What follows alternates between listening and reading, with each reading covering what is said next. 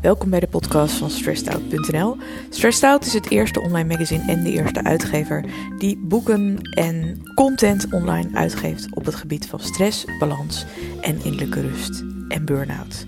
Onlangs gaven we het boek Victor en het vuur uit. Dat is het eerste kinderboek dat stress, burn-out en balans in kindertaal uitlegt. Geschreven door Sarah van Wolputten en met een voorwoord van Dirk de Wachter. En een tijdje daarvoor gaven we het boek Niets uit. Geschreven door mij, Maaike Helmer. En ook wel genoemd als de innerlijke rustroman en de nieuwe eten, bidden, beminnen. Veel plezier bij het luisteren naar deze podcast. De Stressed Out, de podcast van vandaag, wordt gepresenteerd door Sarah van Wolputten, auteur van kinderboek Victor en het Vuur. Victor en het Vuur is nu ook verkrijgbaar in e-bookversie. Welkom iedereen op deze tweede podcast. Deze podcast heeft als thema de rivier des levens. De rivier des levens is een metafoor uit het boek Victor en het vuur. En Victor en het vuur is een kinderboek dat ik heb geschreven uit eigen ervaring. Het is een boek om uit te leggen aan kinderen wat juist een burn-out is en hoe ze in hun latere leven eigenlijk met stress en balans moeten omgaan. Het is geschreven, zoals ik zei, uit mijn eh, eigen ervaring. In 2015 heb ik een, burn-out gehad en ik ben toen eigenlijk als een directieve in mijn eigen leven gaan um, zoeken wat mij juist heeft doen vastlopen. En dat heeft wel een tijdje geduurd voordat ik dat door had. Maar eens dat ik dat door had, werd me dat eigenlijk echt heel erg duidelijk. Ik ben eigenlijk tot de ontdekking gekomen dat ik heel lang mijn leven geleid heb zoals anderen dat van mij verwachten. Ik kwam tot de ontdekking dat ik eigenlijk in een stroom was terechtgekomen die eigenlijk de mijne niet was. Een stroom die eigenlijk bepaald wordt door de maatschappij waar dat je in opgroeit. En een stroom waar dat je eigenlijk zonder dat je het weet in vastzit. En ik, ik kwam tot de ontdekking dat ik eigenlijk ja, helemaal was vastgelopen omdat ik heel lang mijn hoofd heb gevolgd en niet mijn hart. En um, de rivier des levens is dus eigenlijk een oproep, dat is een metafoor, maar is een oproep om echt te kiezen voor het leven dat bij u past. Het is eigenlijk een oproep om vrij te zijn. En ik had nooit verwacht dat ik dat uh, een maand nadat het boek was uitgekomen, dat, er, uh, dat we nu allemaal in onze huizen zouden zitten. Dus dat het eigenlijk het tegenovergestelde is van vrij zijn. Maar toch denk ik dat het nu ook heel belangrijk is om heel goed naar uw hart te luisteren. En heel goed um, op zoek te gaan naar hoe, dat, hoe dat jij dat nu wil aanpakken op dit moment. Ik ga daarmee beginnen met een klein stukje voor te lezen uit, uit het boek. En dan zullen er misschien wel een klein ding, uh, zaken al iets duidelijker worden wat ik juist wil bedoelen. Dus het boek gaat eigenlijk over Victor. En Victor is een sprookjesfiguur dat drie kinderen uitlegt uh, wat er met hun mama aan de hand is. Want mama is heel moe en mama is heel vaak boos en mama kan niks meer. Dus in, in het boek heeft mama een burn-out. En Victor legt op een, in kindertaal eigenlijk uit wat er juist is gebeurd. Op dit moment staat hij met de kinderen aan de rivier des levens. Deze rivier stroomt heel snel, soms wat trager, maar meestal heel snel. Sommige mensen vinden snelle rivieren leuk. Ze vinden het fijn om mee te stromen en genieten ervan. Ze gillen van plezier bij elke stroomversnelling. Maar er zijn ook mensen die snelle rivieren helemaal niet leuk vinden. Het gaat te snel voor hen. Ze kunnen bijna niet boven water blijven. Dan beginnen ze te spartelen en te roepen naar de mensen die het woeste water wel leuk vinden. Help, dit gaat te snel, roepen ze dan. Maar die anderen horen hen natuurlijk niet. Nee, want die gillen de hele tijd van de pret. Charlie moest lachen. Hij gilde zelf ook altijd in de wildwaterbaan. De mensen waar het te snel voor gaat, worden moe van het gespartel en willen het liefst gewoon weer naar de oever. Maar het is niet makkelijk om uit die wilde rivier te komen. En daar worden ze zo onrustig en bang van en heel moe. De anderen blijven maar gillen. Blijf, Doe lekker met ons mee. Iedereen doet het toch? Maar sommige mensen willen echt niet meer. Ze kunnen niet meer. Ze wachten dan tot ze bij een rots komen en klauteren weer op de oever. Daar komen ze bij van hun wilde avontuur. Nooit meer, zeggen ze dan. Nooit meer. Billy, Jultje en Charlie keken naar Victor.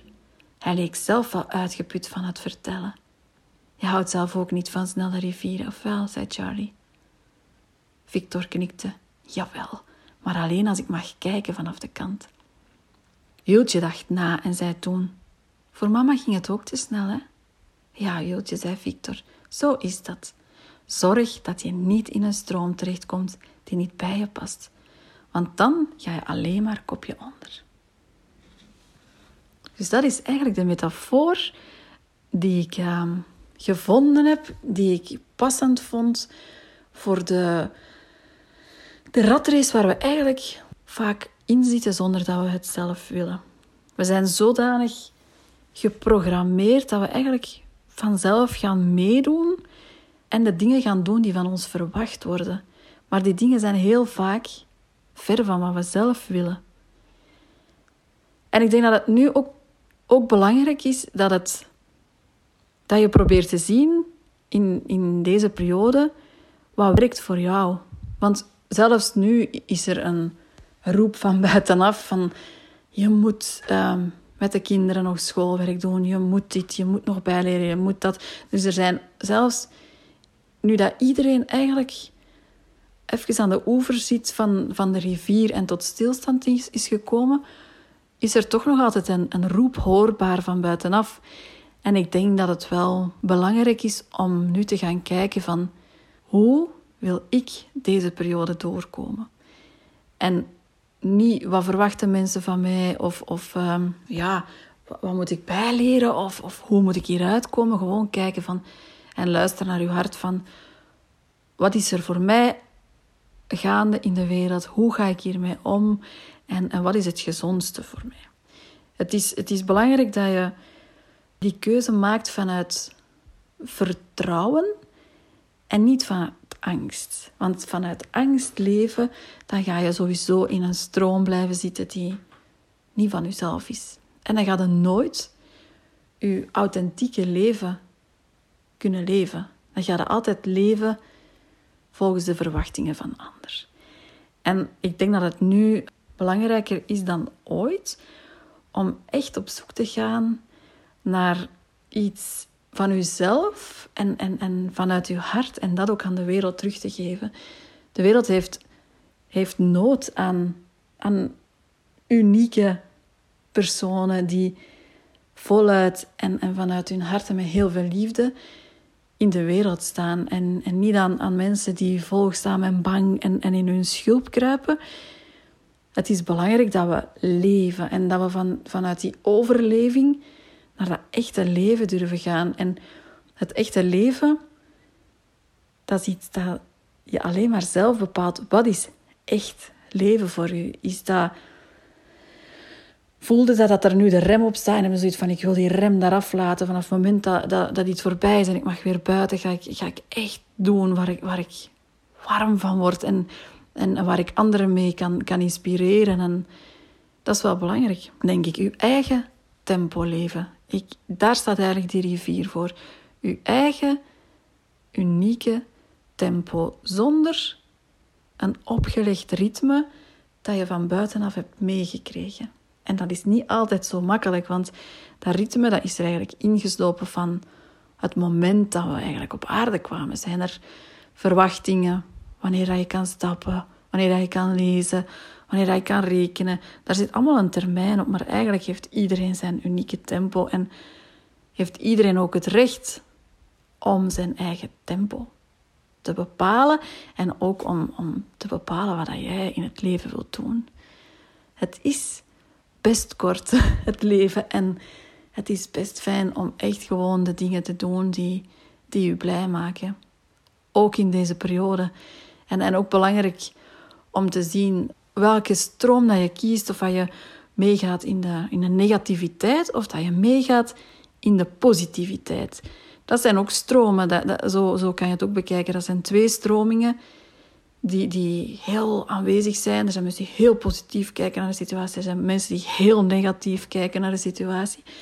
Het is belangrijk dat je je eigen kijk vindt. Dat is ook waarom dat, waar ik dit boek heb geschreven.